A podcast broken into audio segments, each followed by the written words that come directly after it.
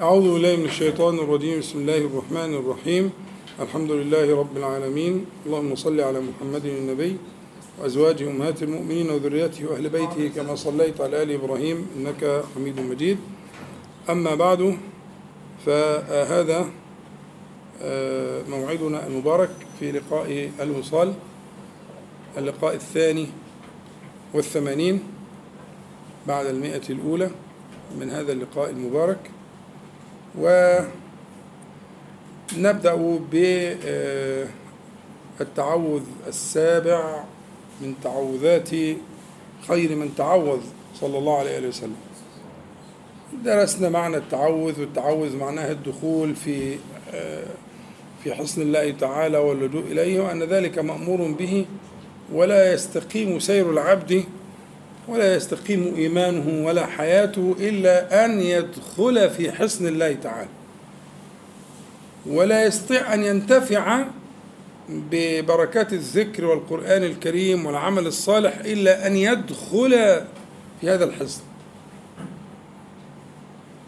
فلما أمر الله سبحانه وتعالى أكثر من مرة في القرآن الكريم فإذا قرأت القرآن فاستعذ بالله من الشيطان الرجيم لأنك لن تستطيع أن تنتفع بالقرآن الكريم إلا إذا دخلت في العوذ دخلت في الحماية. وارجع بقى الكلام اللي شرحناه بالتفصيل في تصوير فكرة العوذ في كلام العرب.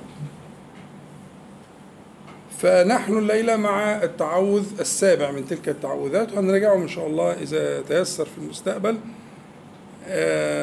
لأن النبي صلى الله عليه وسلم كان حريصا جدا على تعليم الناس أن يتعوذوا في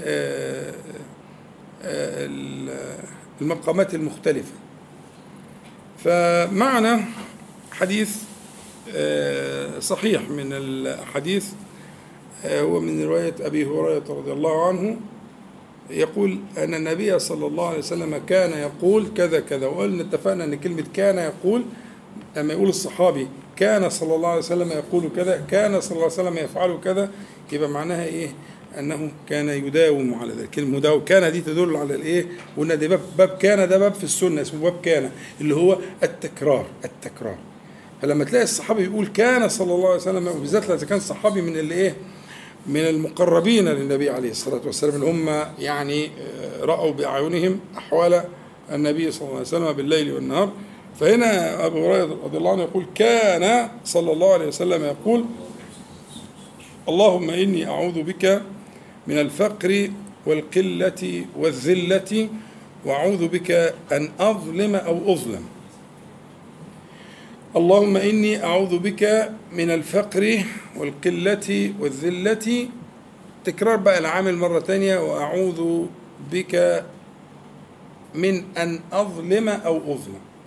فأنت ممكن تفكها وتبقى الظلم. يبقى هم أربع أشياء استعاذ النبي صلى الله عليه وسلم في هذا الحديث المبارك الذي كان يكرره كان يستعيذ بالله تبارك وتعالى يدخل في عوذ الله تعالى يدخل في حصن الله تعالى. من أربع أشياء في الحديث يكررها فهمناها منين؟ من قوله كان. إيه الأربع أشياء دول الفقر والقلة والذلة والظلم. هناخد كل شوف كل لفظ من هذه الألفاظ دلالته طبعا كلمة اللهم اتفقنا أكثر من مرة. إن الميم اللي في كلمة اللهم بعد لفظ الجلالة هي عوض عن أداة نداء القريب. نداء القريب يعني يا الله يا قريب. كلمة اللهم الإنسان لما يقولها يستحضر أنه يتوسل إلى الله سبحانه وتعالى بإيمانه بألوهية الله تعالى. يا الله يا قريب. اللهم. فكذا يعلمها النبي عليه الصلاة والسلام. اللهم يا الله يا قريب. أنت أقرب إلي من نفسي. أقرب إلي من حبل الوريد. أقرب إلي من كل شيء. واعلموا أن الله يحول بين المرء وقلبه وأنه إليه تحشرون. يحول بين المرء وقلبه فهو أقرب إلى قلبك منك وأقرب إليك من قلبك. فالذي حال بين شيئين على ما يليق بجلال الله تعالى هو أقرب إلى كل منهما من أحدهما إلى الآخر. صح؟ فمقتضى الآية بتاع الأنفال دي أن الله سبحانه وتعالى أقرب إلى إليك من قلبك وأقرب إلى قلبك منك. فما فيش واحد يقول إيه أنا يعني هيخلي قلبي يعمل كذا يحب كذا يكره كذا يميل لكذا. ده مش عارف الحقيقة. اللي يقول إيه إن أنا أنا هحمل قلبي على كذا ها؟ ده مش عارف الحقيقة. ليه؟ نقول له إيه ده؟ نقول له قد حال بينك وبين قلبك. انت مالكش صرف في قلبك. طب الحل إيه؟ ان تلجأ إليه وتقول له إيه؟ آت نفسي تقواها وزكيها أنت خير من زكاها. أنت وليها ومولاها. زي ما النبي علمنا عليه الصلاة والسلام. يعني أنت لو أردت حاجة من قلبك ما تقدرش كده بطريق مباشر تذهب إلى قلبك. وتقول له بقى اختش على دمك بقى وخلي بالك مش عارف إيه وتتقي الله في كذا وت... وتراعي كذا. ما تقدرش على كده. لا تملك ذلك. طب الحل الحل أن تتوجه إلى الله سبحانه وتعالى أن يصلح هذا القلب أن يرزقك قلبا سليما كما علمنا النبي عليه الصلاة والسلام في هذه الأدعية آت نفسي تقواها وزكيها أنت خير من زكاها أنت وليها ومولاها أنت أقرب إليها. تمام؟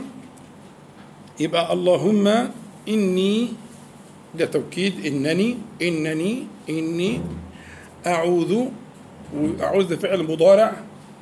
الفعل المضارع يدل على الحال والاستمرار. يعني الآن أعوذ وأعوذ غدا. أنا دائما أعوذ. أنا دائما ألجأ إلى إلى حصنك يا ربي. اللهم إني أعوذ. ده الحال اللي أنت بتتكلم فيه. أعوذ بك بأسمائك وصفاتك. بك يعني بأسماء الله تعالى وصفاته. بكل ما يليق في المقام من الأسماء والصفات. أعوذ بك من أربع حاجات. الفقر والقلة والذلة والظلم. الفقر والقلة والذلة والظلم. بالنسبة للفقر الفقر واقع من واقع من من من من واقعات الدنيا ولا بد من حصوله. فتصور إن الفقر يكون الاستعاذة من الفقر على صورته المتبادرة للذهن هذا هو الأبعد. الأقرب أن يكون المستعاذ منه هنا هو من الفقر إلا إليك. يبقى أنا يحضر في قلبي أعوذ بك من الفقر يعني إلا إليك يعني لا أفتقر إلا إليك. يعني لا تفقرني لا تجعلني فقيرا لغيرك. لجاه لمال سلطان لولد لعزوة لأهل أي حاجة. لا تفقرني إلا إليك. أكون الفقير على الحقيقة إليك. وزي ما اتفقنا أن الفقير دي فعيل من الإيه؟ من من كسرت فقار ظهره. يعني ظهره مقطوم يعني. يعني اتقطم ظهره هو ده الفقير. فما تجعلنيش كده مع أي حد من خلقك إلا إليك أنت. يبقى هنا الاستعاذة النبوية لائق بها أن تتوجه إلى إيه بقى يا شباب؟ إلى أن يعيذك من كل فقر لغيره سبحانه وتعالى. وأن يكون الفقر على الحقيقة له. يبقى هذا مراد النبي عليه الصلاة والسلام. اللهم إني أعوذ بك من الفقر والقلة. القلة في الحقيقة هي القلة فيما يحبه الله سبحانه وتعالى. يعني تقول إيه أعوذ بك من الفقر والقلة في الصبر. القلة في أبواب الخير. القلة في أعوان الخير. القلة فيما يرضيك ويقربني إليك. فالقلة على الحقيقة هي يعني ممكن الإنسان يبقى عايش لوحده أو في فترة من فترات حياته اضطر أن يعيش لوحده لكن هو في في أنس. وارد وارد وممكن يبقى عايش في وسط الناس وفي وحشة. إيه رأيكم في الكلام ده؟ وارد ولا مش وارد؟ وارد عايش في وسط الناس والناس حواليه عشان هو يعني إيه؟ عنده ما يرجونه من لعاعة الدنيا. لافين حواليه لكن في وحشة. مش حاسس بإن في أي أنس بالخلق اللي حواليه دول. صح كلام؟ بسم الله. والعكس وارد انه يكون لوحده ويكون في أنس. فهي الحقيقة القلة والكثرة مدارها على حال القلب. زي ما حملنا الفقر والغنى على إيه؟ على حال القلب. حديث صحيح. يقول ولكن الغنى غنى القلب. يعني الاستغناء بالله سبحانه وتعالى. والفقر يا إخواننا في الحياة هو فقر القلب. يعني فقر الجوارح ده قد لا يكون مؤثرا وقد يعني يمر المرء بفترات والصحابه الكرام حتى النبي عليه الصلاة والسلام في فترات قصيرة في حياته الشريفة مروا بهذه الأزمات. لكن ما ما, ما أصابهم الفقر في قلوبهم لكن كانوا دايما يعني في حال من من الفقر إلى الله تعالى حال الفقر إلى الله والغنى بالله سبحانه وتعالى. يبقى الفقر إلا إليك والقلة يعني فيما يرضيك. قلة في الصبر على قضائك القلة في الشكر على نعمائك القلة في كل الأحوال إليك. لكن القلة زي ما اتفقنا اللي هي الظاهرية دي قد لا تؤثر في قلب العبد إذا كان موصولا بالله سبحانه وتعالى. وحصولها يعني كأنه أمر حتمي يعني كأنه أمر حتمي في الحياة الدنيا أن يحصل أن يصيب المرء أوقات يكون فيها يعني فيها قلة وفيها كثرة وفيها غنى وفيها فقر. والموفق السعيد أن يكون محققا للعبودية في كل إيه حال من تلك الله.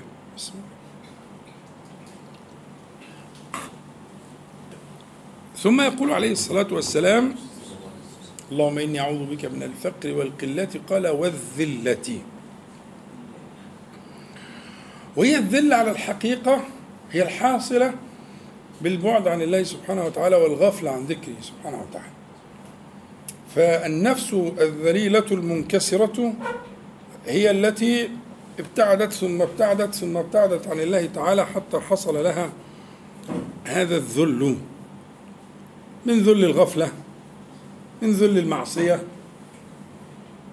فاللائق بالنبي عليه الصلاة والسلام لما يعلم الأمة التعوذ يعلمها التعوذ من الفقر إلا إليه سبحانه وتعالى من القلة فيما يرضيه سبحانه وتعالى من الصبر والشكر ومن الذلة الحاصلة من البعد عن الله سبحانه وتعالى هذه الكسرة الحقيقية. مهما الإنسان تقوى بعزوة الناس وبجمع الناس لكنه آه لا يشعر بالأنس على الحقيقة ولا بالكرامة على الحقيقة إلا إذا سجد لله عز وجل. كلما سجدت جوارحه كلما آه كرم عند الله سبحانه وتعالى حتى يصل إلى غاية السجود وهو سجود القلب. فإذا ما سجد قلبه كملت كرامته. في المقابل يعني في المقابل حال الذلة دي الإنسان يضع أشرف ما فيه في الأرض يضع أنفه في الأرض يضع وجهه في الأرض فإن الله سبحانه وتعالى يكافئه بأن يجعل له من الكرامة ما لا يدركه بغير هذا السجود. السجود لله سبحانه وتعالى هو سبيل الكرامة يبقى النبي عليه الصلاة والسلام لما قال اللهم إني أعوذ بك من الفقر والقلة والذلة حملنا الكلام على ما يليق بمراد النبي عليه الصلاة والسلام ويوافق حاله المشرف ويعلم الإيه؟ المؤمنين. التعوذ الدخول في حصن الله تبارك وتعالى من الذلة والقلة على المعنيين اللي إحنا قلناهم. والفقر زي ما قلت لك في في نصوص كتير وفي نصوص في الغنى. في في البخاري وفي غيره يعني. لكن الغنى غنى القلب. الاستغناء على الحقيقة هو حال القلب والفقر على الحقيقة في المقابل هو فقر القلب. فالفقر والغنى ليس بالعرض. القضية دي مسلم بيها ولا في حد؟ أنا روح رياضية يعني. لو حد عايز يكلمني يعني واحد عنده عرض كتير جدا ولكنه فقير. عنده من عرض الدنيا يعني ها؟ عنده من عرض الدنيا كتير لكنه فقير. عنده ناس كتير حواليه بس لكنه في قلة. وكل اللي حواليه دول أونطجية قاعدين عشان بيخلصوا مصلحة. بيستفيدوا منه. وهو في قلة. واخد بالك؟ هو بيتقدم ويتعمل ويتحط على الرأس ومش عارف إيه وإيه إيه بس بينه وبين ربنا خراب. فهو فيه ذلة. يبقى الفقر والقلة والذلة الثلاث حاجات دول ان النبي عليه الصلاة والسلام بينبه بيهم. خلي بالك دول لابد من وقوعهم. فاهمين؟ حصله حصله فيك في اللي حواليك في اللي جنبك في اللي قدامك في اللي وراك. من الفقر والقلة والذلة لابد من حصولها. واخدين بال حضراتكم؟ طيب. فقر وقلة وذلة لابد من حصولها. يا إما تبقى في القلب يا إما تبقى في الجوارح لابد أن تصرفها مصرفها الذي يليق بها. يعني مكتوب علينا يعني. مش حكاية أنت راكب إيه ولا ساكن فين ولا لابس إيه. القصة قصة حال القلب. فأن يمر القلب بالفقر وأن يمر بالقلة والذلة أمر حتمي. فكأن النبي عليه الصلاة والسلام يريد منك أن توظف أن توظف ها؟ هذه الأحوال في ما يرضيه في إيمانك. فإن كان الفقر لا يكون إلا له سبحانه وتعالى إلا إليه جل جلاله. وإن كان إن كانت القلة لا توجد فيما يرضيه في القطاعين الكبار اللي هم الإيه؟ الصبر والشكر في الحالين اللذان يعمان حال الإنسان. ثم الذلة وهذا الانكسار الحاصل لا يحصل إلا بين يديه سبحانه وتعالى ولا يكون في بعد عنه تبارك وتعالى. فلما جاء للظلم النبي عليه الصلاة والسلام قال وأعوذ بك أن أظلم أو أظلم. هم هم أربع حاجات زي ما اتفقنا. فقر وقلة وذلة وظلم. لكن الظلم ساقه النبي عليه الصلاة والسلام بهذه الطريقة اللي هي طريقة الإيه؟ كرر العامل قال وأعوذ بك من أن قال أظلم أو أظلم. وده على طول في تنبيه أي واحد عربي بيفهم ي... ي... ي... الثلاثه اللي فاتوا كانوا مصادر. هنا بقى فككها لحالة إيه إن الظلم ده هو كأنه إما يكون المرء ظالما أو يكون إيه مظلوما. فالاستعاذة على هذا التفصيل مطلوبة عشان تستحضر إن قضية الظلم دي قضية الظلم دي كأنها قضية حتمية في الحياة الدنيا. يعني إحنا يعني إحنا كائن يا إما ظالم يا مظلوم. كأن الحالة هكذا يعني. يعني ربنا خلقنا سبحانه وتعالى إن إحنا يا يا يتعدى علي يتعدى علينا أو نتعدى على على غيرنا. المؤمن اللي ربنا سبحانه وتعالى نبهه ينتبه لحاجة زي كده فيفهم إن النجاة لا تكون إلا أن يعافيه الله سبحانه وتعالى من أن يكون إيه؟ ظالما أو مظلوما. لكن حصول الظلم ده وكأنه يعني قسيم الحياة. ولذلك أنا دايما أقول حضراتكم حاجة مهمة جدا. ما تحملش في في القيامة هم اللي بينك وبين ربنا. ده مش دعوة للبطالة بس دي حقيقة. لأن بينك وبين ربنا على سبيل العفو. لماذا؟ لأن الله سبحانه وتعالى عفو يحب العفو. فما تقلقش اللي بينك وبين ربنا يدوب في لحظة. اللي بينك وبين ربنا سبحانه وتعالى بالعكس إلا من تاب الفرقان وآمن وعمل عملا صالحا. هنا بقى آية فريدة ملهاش نظير في القرآن الكريم ولا في أي حاجة تانية بصراحة ولا في الكون ولا في الخلق. فأولئك إيه؟ يبدل الله سيئاتهم حسنات. طب اديني عقلك إزاي؟ آية عجيبة جدا من أعجب ما يكون. يعني أي رب هذا؟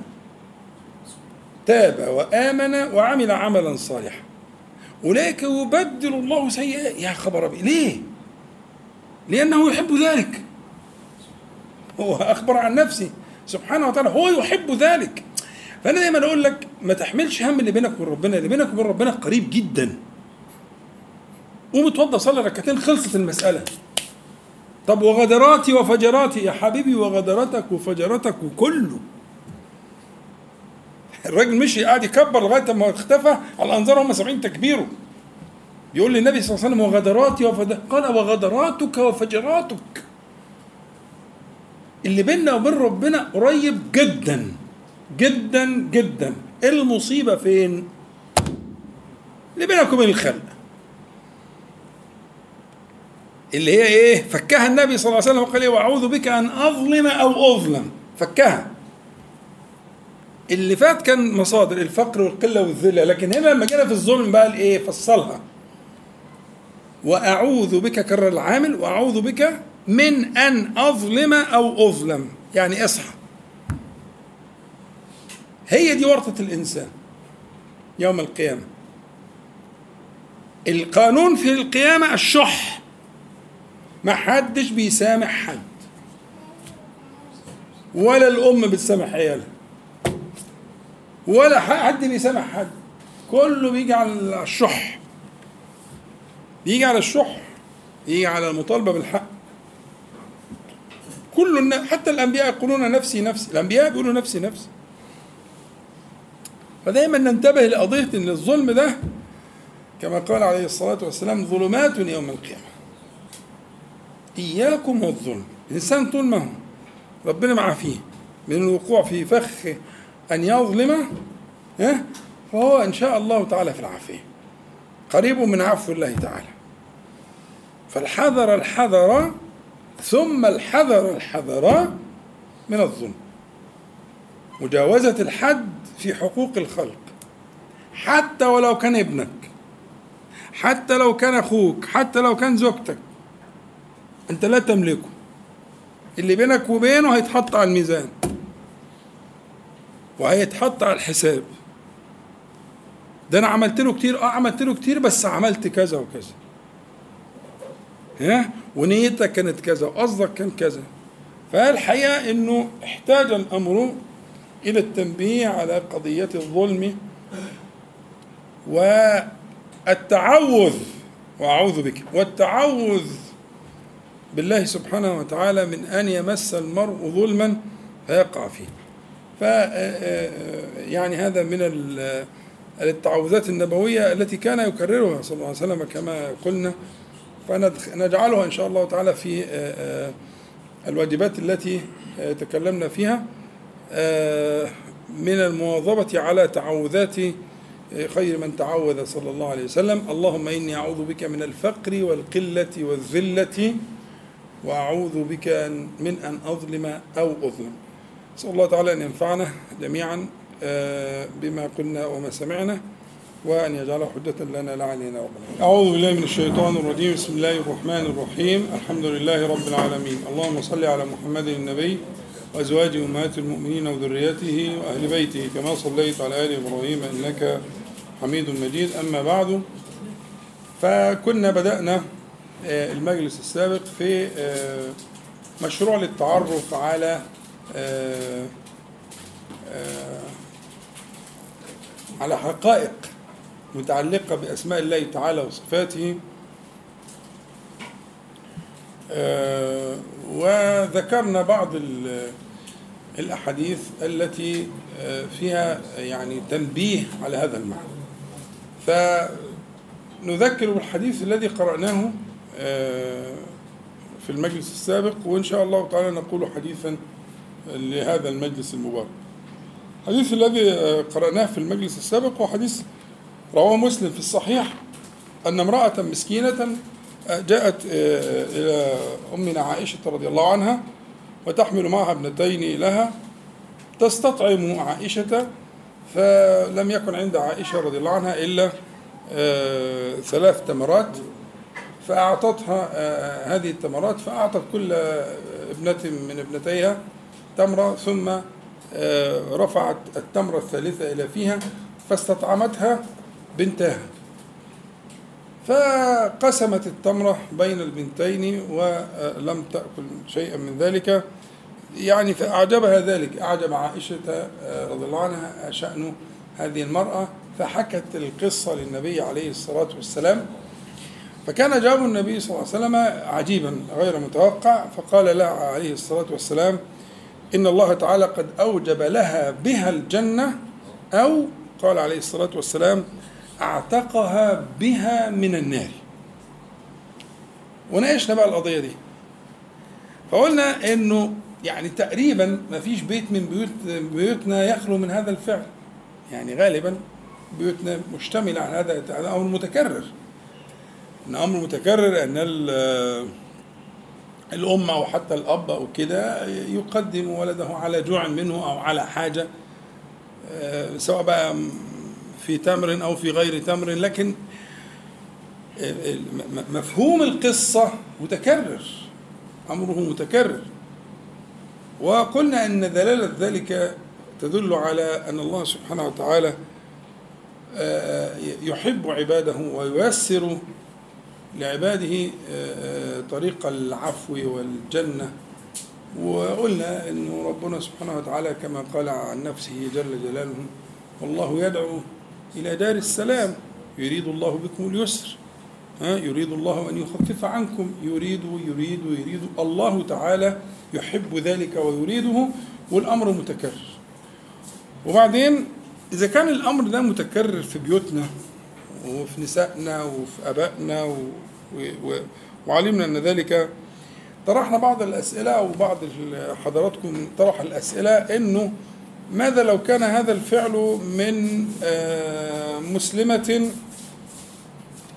مسرفة على نفسها؟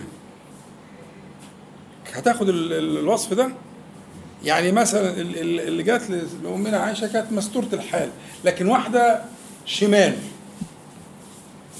مسرفة واحدة مسرفة على نفسها مسلمة بس مسرفة على نفسها.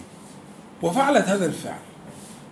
هل تنال آه هذا الوعد النبوي المبارك من قوله إن الله تعالى قد أوجب لها بها الجنة أو أعتقها بها من النار؟ يحصل ولا ما يحصلش؟ ده سؤال. في سؤال تاني تحرب بعض إخوانكم طرحه اللي هو طيب آه، آه، لو كانت غير مسلمة. لو كانت غير مسلمة وفعلت ذلك ألها يعني نصيب من هذا الكلام ولا لا, لا, لا نصيب لها فإجابة السؤال الثاني أقدمها وأخلي إجابة السؤال الأول وآخرها لأن هي دي هتكون مدخل للإيه للحديث اللي هنقرأه الليلة دي إن شاء الله اللي هي المسلمة المسرفة على نفسها. المسلمة المسرفة على إيه؟ على نفسها خليها دي هتكون المدخل لله نبدأ بالسؤال الثاني اللي هو طيب هذه المرأة المسكينة التي جاءت إلى أمنا عائشة وقال النبي عليه الصلاة والسلام إنها مجرد بس شقة التمرة كده ودت كل بنت من بنتين أن ذلك حرمها على النار. طبعا إحنا ثارت المناقشات المرة اللي فاتت إيه لكن هذا نص قطعي. وموجود في صحيح مسلم ودلالته واضحة ومش عايزة كلام. لكن هي المشكلة عندنا في الثقافة التربوية اللي هي كانت فيها يعني إيه عدم فهم لأن الله سبحانه وتعالى يحب ذلك ويرضاه. إحنا اللي مش فاهمين كده. فالمشكلة طلعت عند حضرتك مش عند الحديث. الحديث واضح وصريح. أنت اللي ما عودتش نفسك على كده. إن ممكن ربنا سبحانه وتعالى يدخل حد الجنة بفعل زي كده. على ما هو عليه. إنه ممكن الأعلى من يدخله الجنة إنه ممكن يحرمه على النار. لأنه ممكن يخش الجنة بعد ما ي... لا ده ولا هيعتبها أصلا. يا مجرد شقة التمرة كده واديتها وحرمت نفسها تقوم تعمل طب ما ده متكرر في بيوتنا كتير وأمهاتنا بيعملوا كده وزوجاتنا بيعملوا كده. وإحنا بنعمل كده مع عيالنا. يعني إلى هذا الحد ربنا سبحانه وتعالى يعظم هذا الفعل. كانت عجيبة ها؟ طيب. واتفقنا إن في سؤالين هنخلي السؤال الثاني نبتدي بالسؤال الأول. لا طب لو لو لو مش مسلمة مش موحدة وعملت كده وده وارد لأن شيء كأنه جبلي فطري يعني الإنسان بيتصرف بفطرته. الأم بفطرتها بتعمل كده. فالجواب يكون إيه؟ الجواب يكون زي ما الباشمهندس محمد قال إنه آه، بتاخد حقها في الدنيا. مظبوط؟ لكن إمتى تاخد حقها في الدنيا؟ ها؟ لو كانت بلغتها الحجة الرسالية بلوغا صحيحا وعندها الآلة التي تدرك بها. لكن واحدة عمرها لا سمعت عن النبي عليه الصلاة والسلام ولا عن الإسلام ولا. ولا عندها الأدوات ولا تقدر تعرف ولا تتعلم أو ربما سمعت الإيه؟ الكلام المشوش والكلام المضر. كيف تقام عليها الحجة دي مسكينة. دي هتدخل في الطائفة اللي إحنا قلناهم ربنا ذكرهم في سورة المائدة على فترة من الرسل. هم أهل الفترة. وأهل الفترة لهم حكمهم عند ربنا سبحانه وتعالى. خلاص؟ يبقى إحنا حتى لو مش مسلمة ممكن تدخل الجنة؟ آه. بس ده ما يخصناش إحنا مش ما يخصنيش أنا وأنت. لا يعلم ذلك إلا الله. من الذي يعلم هل قد بلغتها الحجة الرسالية ولا ما بلغتهاش هل عندها الآلة تدرك ولا تقدر ولا ما تقدرش؟ لا يعلم ذلك إلا الله. ولذلك وكلهم آتيه يوم القيامة فردا. ما فيش اتنين بيتحاسبوا مع بعض. ليه؟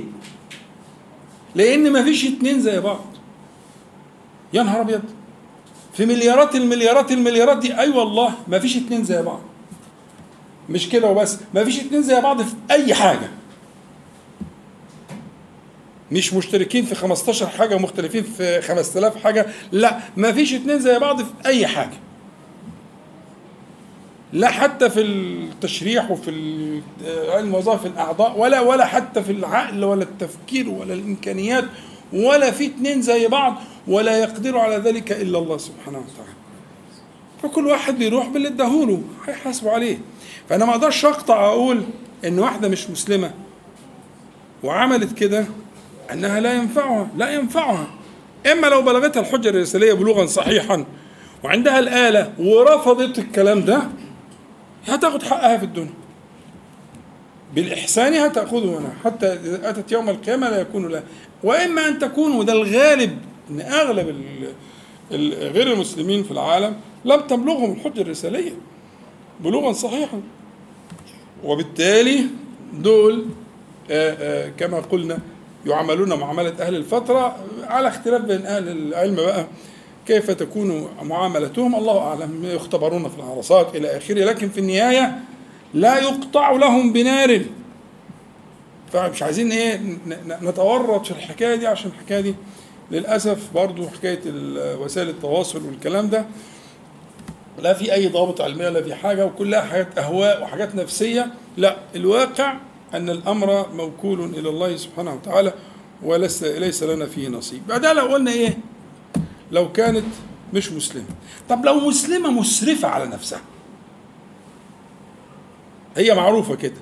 وراحت خدت بناتها ومش قعدت ومش عارف إيه وإيه وإيه وقسمت البتاع. كانت هتاخد العطاء ده؟ أنا عصف ذهني عايز مناقشة. سيقلل من سيئاتها آه. لكن ما تخش الجنة. لا تخش جنة أمال إيه؟ يعني تاخد الو- الوصف ده أو أعتقها بها من النار؟ تاخد. نعم بتقول حضرتك؟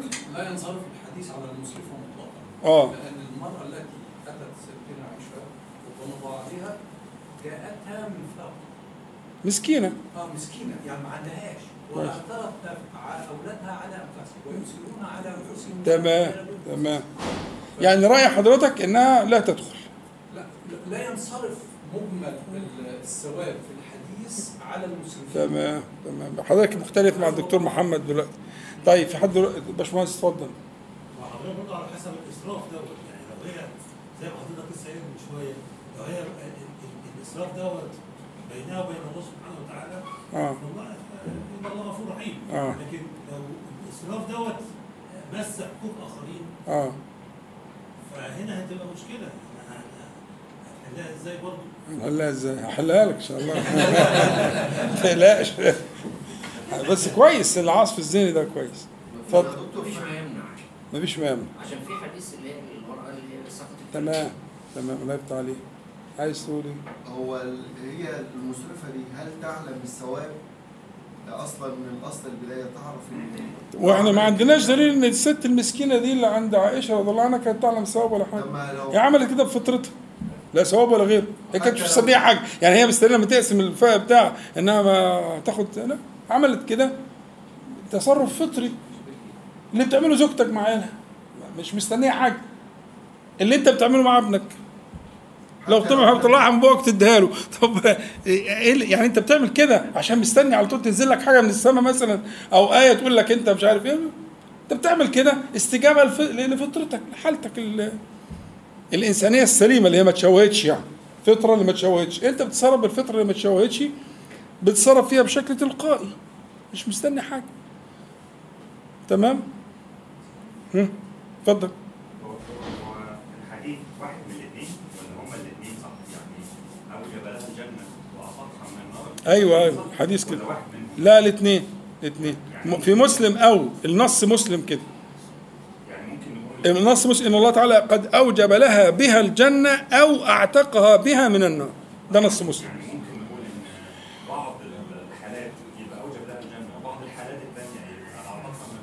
وعلى أساس إن في سابقة عذاب يعني؟ لا.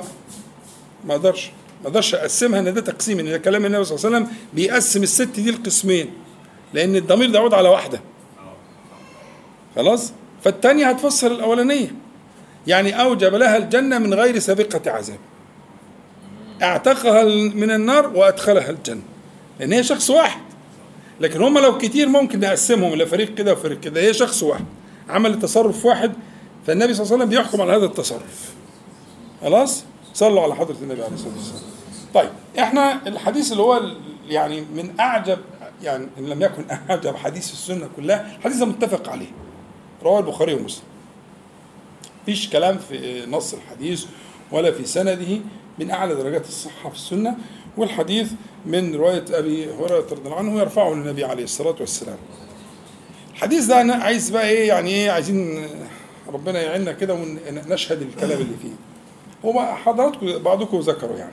هو الحديث بيقول بينما كلب يطيف بركية كاد يقتله العطش إذ رأته بغي من بغايا بني إسرائيل فنزعت موقها فسقته. وفي رواية نزعت خفها فأوثقته بخمارها فنزعت له من الماء فسقته فغفر لها به. انتهى الحديث. نتكلم عن بغي. بغي من بغايا بني إسرائيل. فالحديث ده الحقيقة مزلزل لأي حد يتفكر فيه. وبيضع حدا للإيه لأن يفتئت أحد خلق الله على الله. اللي بين ربنا وبين عباده أحذرك أن تدخل فيه. يعني أول درس تتعلمه من الحديث إن اللي بين ربنا سبحانه وتعالى وبين عباده بين عباده احذر أن تدخل فيه نقول معانا الألفاظ الحديث الأول. الحديث بيقول بينما كلب يطيف عمال يلف بركية. الركية دي وصف للبئر اسم للبئر. لما بيكون عارفين البئر بيبقى عليه زي آه، حجارة كده مرصوصة وكده وفي مية قليل أو كتير. يعني مش مهم تكون كتير بس هو مش قادر يوصل للمية. فعمال يلهث الثرى ويلف عمال يدور كده حوالين مدخل البئر والحجارة مرصوصة ومش قادر يوصل للمية. فهي شافت الحالة دي حالة العطش الشديد. كاد يقتله العطش. فعملت إيه؟ جابت آه، خفها وربطته بخمارها ودلته في هذه الركية هذا البئر حتى امتلأ ماء فأخرجته فسقط الإيه؟ الكلب فغفر الله له. تمام؟ طبعا بقى إيه؟ حكاية إن هو كلب وكلب نجس قصص بقى كده مش عايزك تروح هنا ولا هنا عشان إيه؟ في حاجات الحقيقة بتستفزني لما ألاقي مثلا حد. ده بقى ده في غيبوبة. صاحبنا ده في غيبوبة. آه والله ولقيت الكلام ده مكتوب. في غيبوبة. واحد تاني بيتكلم على سند الحديث. يعني مش قادر نفسه مش قادره تقبل الموضوع لدرجة إن هو قال لك طب ما تشوفوا لنا يا إخوانا سند الحديث. البخاري ومسلم بس ممكن يكون يعني في حاجة. حد يش- يشمر كده ويشد حيله ويطلع لنا الحديث فيه مشكلة. هو مش قادر يقبل الفكرة. على فكرة الناس منسوبة للعلم يعني أنا بقول كلام ناس منسوبة مش بتوع اللي هم بتوع ال- التواصل الاجتماعي والهيافة دي لا ده ناس منسوبة للعلم. مش قادر يا عيني يستحمل فكرة إن دي حقيقة. فوصل بيه الحال إن واحد بيفتش في سنة الحديث عشان يمكن يعمل ويسوي حاجات زي كده. أنا عايز أفهمك الإيه الحالة النفسية بتاعت عدم قبول الفكرة. هو مش قابل الفكرة أصلا. فبيدور على أي مخرج. ما يمكن تابت قبل ما مش حاجات بقى من الحاجات اللي هي إيه مؤلمة جدا. مع إن الباب الواسع مفتوح. الباب الواسع مفتوح. بس هو بقى يعني مش قادر يشوف ال فالمهم عشان كده فعملت ربطت الموق أو الخف بالخمار بتاعها ودلته طلعت وسقت البتاع. فلما سقت الكلب غفر الله له. غفر الله لها إيه؟ دي بغية يعني يعني بروفيشنال مهنية يعني دي مهنة. دي شغلتها. مش غلطت غلطة مثلا ولا ها؟ دي بغية. هو إيه اللي حصل؟ إيه اللي حصل اللي خلى الذي جعل الله سبحانه وتعالى ينظر إلى قلبها فيغفر له؟ أكيد رأى ما أحب سبحانه وتعالى فغفر له. على ما كان منه حتى لو في حقوق للعبيد.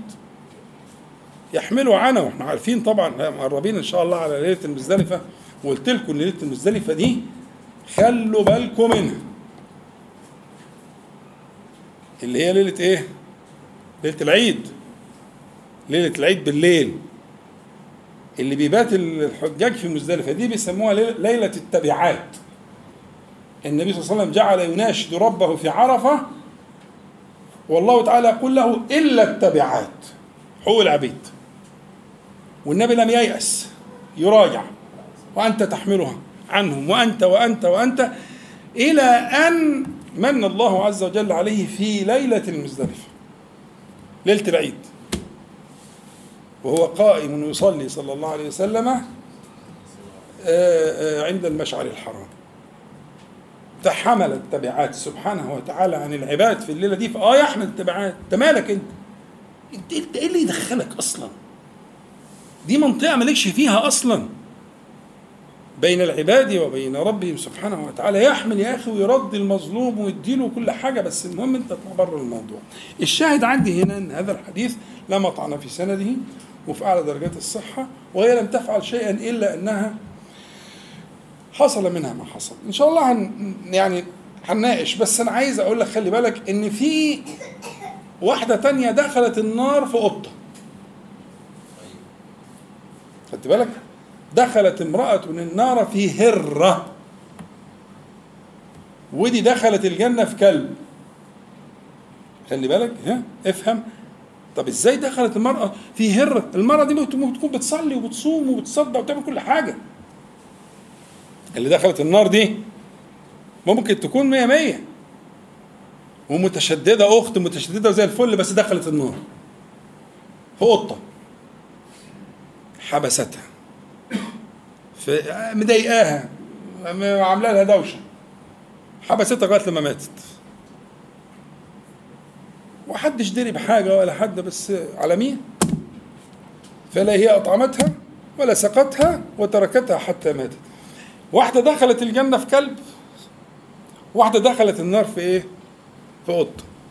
عشان تكمل الصورة عندك أول ثلاثة تسعر بهم النار أولهم حمل القرآن الكريم ثانيهم المجاهد في سبيل الله ثالثهم المنفق. والثلاثة دول مذكورين في حديث مسلم وصحيح حديث صحيح.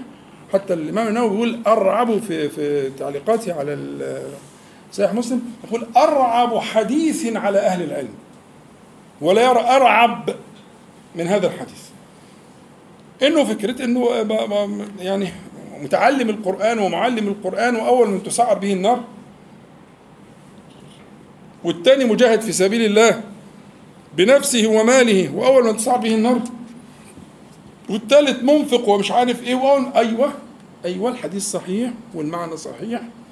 فلو ضفنا دول الثلاثه دول مع ال- التي دخلت النار في هرة في مقابل التي نزعت موقها فسقت الكلب فشكر الله لها فغفر لها نقدر نت... نقرب الفكرة شوية ولما نتناقش مع بعض نفهم الإيه؟ الحكاية جت إزاي. الباب مفتوح. اللي عايز يتكلم يتفضل اتفضل بالتالي برضه هو حال القلب في كل حاله من حالات الرجل. الله يفتح عليك. ده وضوح هذا الشمس. يعني انت لما تجمع الثلاث صور دي إيه اللي يخلي حامل القرآن ومعلم القرآن يدخل النار؟ أول من يدخل. ويخلي المجاهد في سبيل الله يدخل النار أول من يدخل. ويخلي المنفق يدخل النار أول من يدخل. إيه اللي يخليه؟ قلبه. لم يرى الله. فعل ما فعل ولا يرى إلا الخلق. والجاه والذكر والبتاع الشجاعة وقد قيل إنما فعلت ذلك ليقال وقد قيل. خدت حقك. اللي أنت كنت عايزه البعيد يعني. والتانية اللي دخلت النار في هرة. إيه اللي دخلها النار في هرة؟ قسوة القلب ده لازم يخش النار عشان ينضف. حتى يليق بجوار الله تعالى في جنته. فالقسوة القسوة التي كانت غلفت هذا القلب لابد من تنظيف القلب ده حتى لو هي من أهل الجنة فيما بعد. لازم تنضف يخرج ال ال ال الأذى الذي غلف القلب حتى إن هي يعني ما صعبتش عليها القطه ما, حنتش ما, ما ضعفتش. والقطة خلاص بتخلص وهي مستمتعة. إن القطة دي مثلا اذتها في حاجة ولا عملت لها حاجة ولا بتاع ومنتقمة ومش عارف إيه وبتاع لا.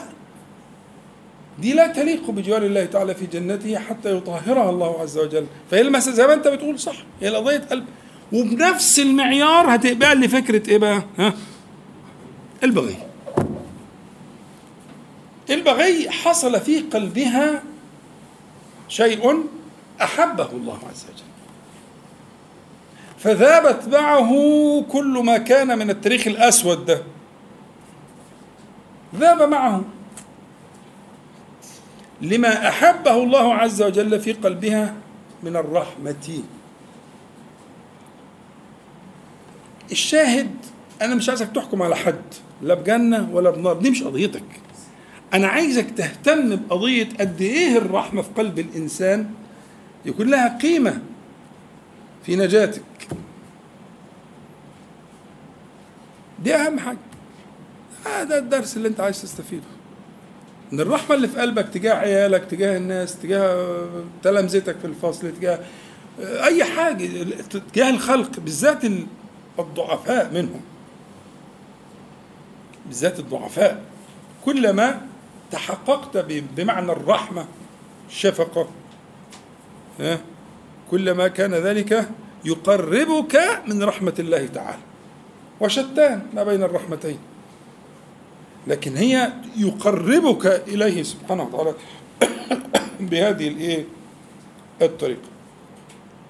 لم تفضل دي ممكن نحسبها زي المعنى بتاع الآية يا ايها النبي ان يعلم الله ما في قلوبكم كل من في أيديكم من الاسرى صحيح. ضيفت عليك. في اخر الانفال قل لمن في أيديكم من الأسراء يعلم الله في قلوبكم خيرا يؤتكم خيرا. الأسير متكبل وما غير اللي في قلبك ربنا هيرضيك. غلب الرحمة ربنا هيرحمك. في الدنيا والآخرة. رغبة التشفي والانتقام انت عرفك وش دخلك؟ دي مش منطقتك. دي منطقة ربوبية انت مالك ومالها؟ انت لو مأمور بحاجة بتعملها شرعا واجب شرعي بتعمله غير كده لا. لكن ال ال ال آه إحنا نفرق بين الكفر والكافر والفسق والفاسق. نفرق طبعا. نحن نكره الكفر ونكره الفسق ونكره الفجور لكن الفاجر والفاسق ده مالناش دعوه بيه الشخص العين. له رب. لو انت مكلف بعمل اي حد من الحدود قاضي بتاع شرطي زي ما يكون مش مشكلة بس دي أنا قضيه قلب عموم الناس تجاه الاشياء دي. والتفريق بين الفعل والفاعل دي قاعدة أهل السنة ده بتفرق أهل السنة عن أهل البدع. ان أهل السنة يفرقون بين الفعل والفاعل. الفعل لا نقاش فيه. الإيمان إيمان والكفر كفر والفسوق فسوق. مش عايزة كلام. لكن الشخص ده إيه؟ دي مسألة قضائية. تحتاج إلى إقامة الحجة وإلى وإلى أشياء ما تخصكش. لكن اللي يخصك إن الحديث في البخاري ومسلم وأن بغيا دخلت الجنة في كلب سقته ولا حل لهذه المسألة إلا أن الله سبحانه وتعالى في هذه اللحظة رأى في قلبها ما أحبه من الشفقة من الرحمة فرحمها بتلك الرحمة وأدخلها الجنة. استقر الأمر. في حد يعني واخدني على قد عقلي يعني ما بعدي الموضوع. قال لك عشان اوجع دماغنا معاه الراجل ده ما تقلقوش روح رياضية جدا يعني. بس يعني إذا كنتم مقتنعين بالفكرة يبقى إحنا نجحنا الحمد لله. اللي مش مقتنع ياخد راحته. أنا روح رياضية جدا. لو هترجع للنقطه صفر برضه أنا معاك. لكن لو قبلت الفكرة ربنا بيحبنا. ربنا يحبنا. ربنا يريد لنا الخير. ربنا يريد لنا اليسر. ربنا يدعونا إلى دار السلام. القاعدة دي لو تأثرت في قلبك الدنيا اتغيرت خالص. رؤيتك للأشياء هتتغير. حتى للخطأ والصواب والمعصية وال... وال... والعمل الصالح فكرة التوبة نفسها بتبقى قريبة جدا. لأنك تتوب إلى من يحبك ينتظرك يريدك. يفرح بك. لله أفرح. يفرح بك. فرح فرح. يفرح بالتائب بالعائد. طب ده التائب ده ريحته وحشة. لسه جاي من القرف والمعصية و... لا بس حبيبه. حبيبه. يحبه الله يحب التوابين التوابين دول اللي هم صيغة مبالغة يعني. يعني كتير كتير. مش التائب مرة ولا بتاع لا التوابين. يحب التوابين. فكلما عادوا كلما أحبهم سبحانه وتعالى. فإذا خرجنا من هذه القضية بأن هذه الأعمال اليسيرة زي العمل الأول اللي قلناه المرة اللي فاتت اللي هو اسمه التمرة فوجبت لها الجنة وحرمها الله على النار واللي سقت الكلب مش عايزه أي حد ما حدش شايفها مش بتستعرض يعني حدش لم يرها إلا الله. ملهاش غرض تاني خالص غير إنه صعبان عليه الكلب صعبان عليه ببساطة كده بالعامية بمنتهى اليسر. دي كبيرة قوي عند ربنا دي كبيرة جدا أكبر مما تتصور أنت. فإذا علمت أن ذلك باب فيه عشرات الأحاديث وده إن شاء الله كل مرة هناخد حاجة من جرعة من الجرعات دي. ان عندنا عشرات الأحاديث دون منيحة العنز كما في الحديث الصحيح أربعون خصله أعلاهن منيحة العنز. حديث البخاري صحيح من البخاري. أنا شرحته المرة اللي فاتت. أربعون أربع هم مش أربع ده أربعون ده, ده رقم رمزي يعني هم أكثر من أربعين اللي ألفوا في فيهم جابوهم أكثر من أربعين كتير. أعلاهن منيحة منيحة العنز يعني إيه؟ تن- تدي معزتك لحد يستفيد بلبنها ويرجعها لك. دي بقى قمة الأعمال دي. كل اللي هيتقال دون منيحة العنز ما من عامل يعمل بخصلة منها رجاء ثوابها وتصديق موعدها إلا أدخله الله بها الجنة. حديث البخاري. فالعلماء اجتهدوا شمروا يدوروا إيه الحاجات اللي أقل من منيحة العنز وتدخل الجنة. خدنا اتنين دلوقتي شقة التمرة وساقة الكلب.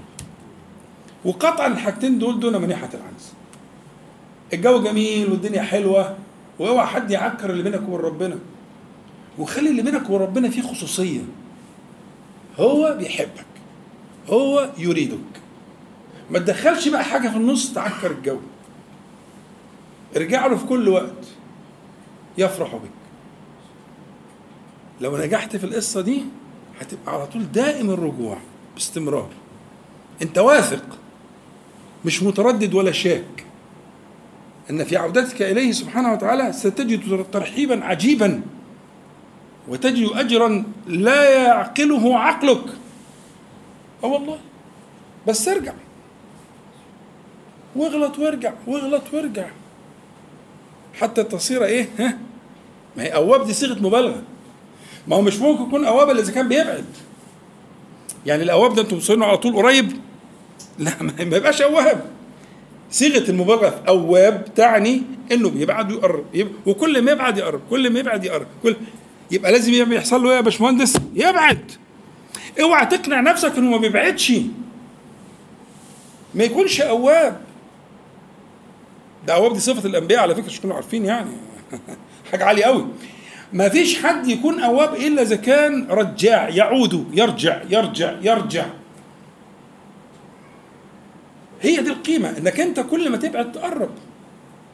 كل ما آه، آه، آه، يصيبك ما يصيبك من الغفلة تذكره. هو ده الذكر. العودة من الغفلة ذكر العودة من الغفلة. إذا صح الكلام ده يبقى إحنا وصلنا اللي إحنا عايزينه. اتفضل يا دكتور. وبعدين كنت بفكر في موضوع ال- الكلاب ده إن هي يعني ملتزمين يعني. عندنا نوع من أنواع ال- التعامل مع الكلب كأنه نوع من من كتر الاحاديث اللي هي بتتكلم عن نجاسة الكلب و- والع- والدخول البيتي ما فيش حديث واحد في السنة كلها بيتكلم عن جلسة الكلب يعني الأحكام الشرعية آه بس عشان بس ما نظلمش إن السادة الملكية يزعلوا مننا لا اللي هو لما يحط بقه في ما قالش نجس. فلي- فليلقه وليغسله سبع مرات احداهن بالتراب مش كده؟ آه. طب ما كانت مرة واحدة كفاية ده عمل تعبدي. يعني. آه بس بس عشان بس إيه السادة الملكية ما يزعلوش مننا إن ال- الكلب طاهر عندهم وأدلة الملكية أنا لست ملكيا ولا أقول بقول ملكيا بس الإنصاف الإنصاف يحملني على ذلك. إن أدلة الملكية أقوى من أدلة الجمهور على عدم نجاسة الكلب. أنا بس عشان الدكتور محمد أثار الموضوع. أنا لست ملكيا ولا أفتي بقول الملكية. لكن الإنصاف الإنصاف الفقهي العلمي يقول إن أدلة الملكية أقوى من أدلة الجمهور. إنه لو كانت المسألة مسألة آه، نجاسة كانت مرة مرة واحدة كفاية. مرتين يا عمي. سبعة إحداهن بالتراب ده عملية تعبدية. دي مسألة تعبدية ملهاش علاقة بالطهارة والنجاسة. دي لها علاقة بحاجة تعبدية لا تدركها العقول وفي حاجات كتير جدا تعبدية لا تدركها العقول. في الصلاة وفي الصيام وفي الذكر كل حاجة. الحاجة الثانية أن في البخاري أن الكلاب كانت تروح وتجيء في مسجد النبي صلى الله عليه وسلم. سنين. أيوة حتى اتخذ في البخاري حتى اتخذوا له أبواب. أنا ما بقول لك أنا مش يعني بقول لك إيه؟ بقول لك إنه أدلة المالكية أقوى من أدلة الجمهور. وأنا لست مالكيا ولا أفتي بقول المالكية. لكن الإنصاف يحملني على ذلك. خدت بالك؟ فحكاية ده على فكرة البخاري قايلها في في الطهارة. حديث حديث البغي ده جايبه في الطهارة.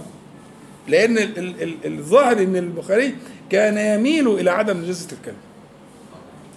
وزي ما قلت لك إن ما- تتحشرش في المناطق دي المناطق دي مش هتنفعك ليست ليست تفيدك. سيبها لأهلها.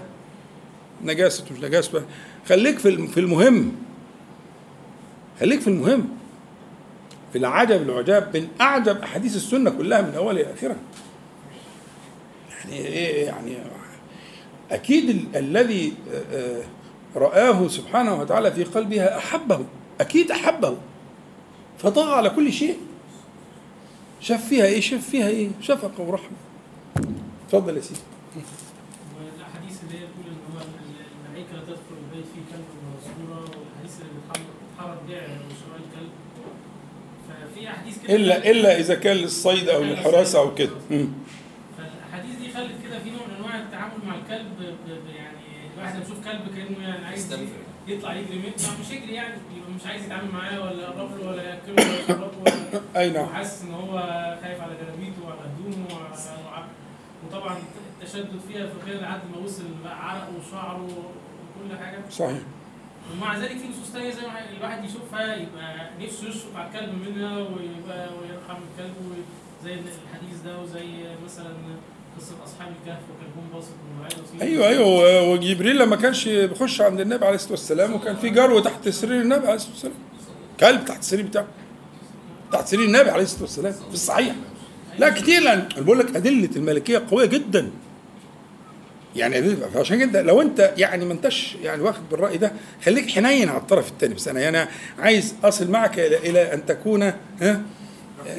آه أن تكون رفيقا بمن لا يقول بقولك. الفقه واسع وسهل والدنيا الدنيا خضرة خالص في الفقه. الفقه فيه خضار فيه جميل جميل الفقه. فلكن حكاية إنك أنت ترفع عقيرتك ومش عارف إيه وكلا وإلا وبتاع مش طب على أي أساس يعني؟ اتفضل. وبعدين برضه هو حيوان وفي جدا جدا لصاحبه ويدافع عنه نعم. نعم. فأنا حاسس إن إحنا محتاجين كده من سلسلة تصحيح تصحيح المفاهيم. هنعمل مصالحة مع الكلاب يعني. بس إحنا أنا عايز الأول ال- ال- تصحيح المفاهيم حكاية ال ال يعني إنك أنت تشعر أن الله تبارك وتعالى يحبك ويريدك وينتظرك. يريد منك أن تعود. وإنه ربنا سبحانه وتعالى ممكن يكافئ بالجنة على تمرة اسمت ولا كلب اتسقى موضوع أقرب بكتير مما يحاولوا يفهموا لك أي حد. موضوع قريب جدا جدا. ودلوقتي أول ما تروح هتتوضى تصلي ركعتين خلصت القصة كل اللي بينك وبين ربنا. كل. والله بكسر الهاء كل. كل اللي بينك وبين ربنا. اما تروح دلوقتي تتوضى وصلي ركعتين. بس خلصت المسألة. صفحة جديدة. يبقى اللي بينك وبين العباد. خلي بالك ده اللي قلت لك عليه. اللي بينك وبين والدتك اللي بينك وبين مراتك اللي بين عيالك. آه ده ما بيروحش. راجع نفسك ودفاترك وصلح الأمور دي. لكن اللي بينك وبين ربنا يا عم اتوضى صلي ركعتين. غفر الله له. في صحيح مسلم. غفر الله. ركعتين اتنين. وتقرأ في الأولى بيقول هو الله أحد والثانيه بيقول هو الله أحد وخلصت المسألة. أنا مش هقول لك اقرا فيها بالقران كله. بس ولا تحدث فيهما نفسك. خلاص. بدأت صفحة جديدة. بيضة ناصعة البياض. فيما بينك وبين ها؟ الله. لا لا لو نجحنا في كده يبقى نجحنا. الباقي كله قريب. اتفضل يا هندسة سؤال مرتبط بحضرتك قلت القاعده الشرعيه اللي هي البلوغ الصحيح نعم. أنا بسأل على دوري في الموضوع ده حضرتك قلت الأكثرية لم يبلغوا بالبلوغ الصحيح. طبعا أعتقد إن إحنا علينا كلنا فرض كفاية إن هو صحيح فأنا من جملة مع حضرتك ده اعتقدت إن إحنا عندنا يعني جزء كبير جدا من المسؤولية. صحيح فإزاي نقدر نقوم بالدور دوت أو عشان ما نتحملش المسؤولية؟ آه، طبعا طبعا يعني كلامك مظبوط يعني الذي بيننا وبين آه، هؤلاء الخلق واجب البلاغ يعني وده مأمور به وفي القرآن الكريم وفي السنة المطهرة بلغوا عني ولو آية إلى آخره بما يحمل من قال إيه ولتكن من منكم أمة يدعون إلى الخير ويأمرون بالمعروف وينهون عن المنكر. إلى آخر الإيه ال- ال- المعاني المقررة الموثقة في القرآن والسنة على ضرورة بلاغ الناس. لكن المسألة دي يعني على الأقل على الأقل اللي بينك وبين ربنا إنك أنت تعتذر إليه يعني تبذل ما تستطيع لأن دي مسألة تحتاج لأدوات وتحتاج لجهود وتحتاج لأموال وتحتاج لأوقات و... وإلى آخره يعني. وفي ناس الحمد لله ربنا وفقهم وإذا استطعت أن تدعو لهم أو أن تشارك معهم في ذلك في البلاغ أو البيان أو كده بالوسائل الحديثة في وسائل حديثة وكده فلا بأس لكن لا شك إن دي مسؤولية كبيرة ولا كلام ولا كلام إن إحنا مسؤولين عن لكن مهما بذلنا من جهود سيبقى آه، آه، مليارات من الناس لم يبلغهم الإسلام بلوغا صحيحا أو لم يبلغهم أصلا. لا لا نأثم ده واجب كفائي. إحنا طالما إحنا معتذرين لله سبحانه وتعالى خلاص. أنت مجرد إنك تشعر بالمعنى ده يكفيك. أنت لا تستطيع.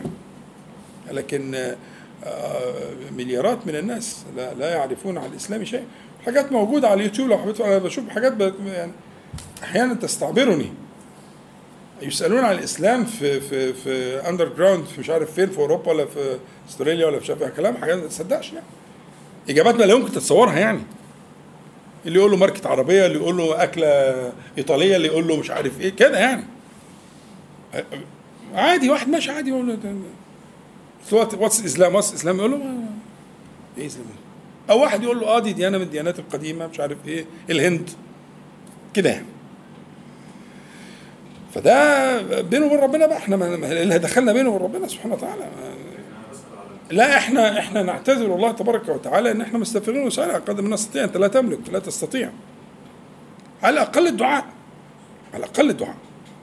إنك تدعو ربنا سبحانه وتعالى أن يهدي الخلق أن يهديهم أن ييسر لهم الهدى للناس أجمعين. يعني أنت عارف لما قلبك يتسع لهؤلاء يبقى أنا نجحت. يعني ما قلبك يعني إحنا في مجلسنا ده إذا قلبك اتسع للناس دي يبقى إحنا نجحنا. لأن هي المشكلة كان ضيق القلوب ضيق قلوب المتدينين. اتربوا على نوع من أنواع الفوقية وإن الخلق دي كلها الكلام مش صحيح. ولا السنة تأيده ولا القرآن ولا حاجة خالص. فلو أنت قلبك اتسع إنه بقى فيه من الرحمة ما يمكن أن يشمل هؤلاء ويبقوا صعبانين عليك أنت كده عملت عليك وزيادة متشكرين قوي بس تنجح في ده لأن أنت اتربيت على غير كده. لا تنجح في ده إنك تشفق عليك يصعبوا عليك تدعي ربنا يهديهم. بس خلاص. كده أنت نجحت الحمد لله. وأنت عهدتك بينك وبين الله تعالى بقت سليمة. مسلمه طبعا. كل أتباع موسى وأتباع عيسى عليهم السلام من غير التشويه ومن غير اللي حصل مسلمين. بنص القرآن. موسى مسلم عليه السلام وعيسى مسلم إبراهيم أبو الأنبياء مسلم. كل الأنبياء مسلمون. إن الدين عند الله الإسلام. الدين كله من آدم إلى محمد صلى الله عليه وسلم. فهي مسلمة بس فاسقة. مش كافرة فاسقة. يعني زي دلوقتي مسلمة فاسقة. ما إحنا ضربنا المثال إيه؟ دي مسلمة فاسقة. مظبوط؟ لو هتنزلها على العصر اللي انت فيه مسلمة. آه بس فاسقه وفي فرق بين الفاسق والإيه؟ والكافر. دي فاسقة. شديدة الفسق. وزي ما انت فسق آه، عشر آه، شرط. بس فاسق. لكن ما كفرتش بالله. فهذا ال ال ال هذه الكبائر اللي عملتها مجموعة الكبائر اللي عملتها دي? حالت بينها وبين عفو الله تعالى ورحمته؟ لا. بس كده. لكن أيوه طبعا. من بني إسرائيل يعني من أمة. ده غالبا القصة دي بعض المحققين كانت في زمان عيسى عليه السلام. لكن كل دول مسلمين. كلهم مسلمين. أتباع موسى وأتباع عيسى عليهم السلام مسلمون. والله أعلم. خلاص كده تمام؟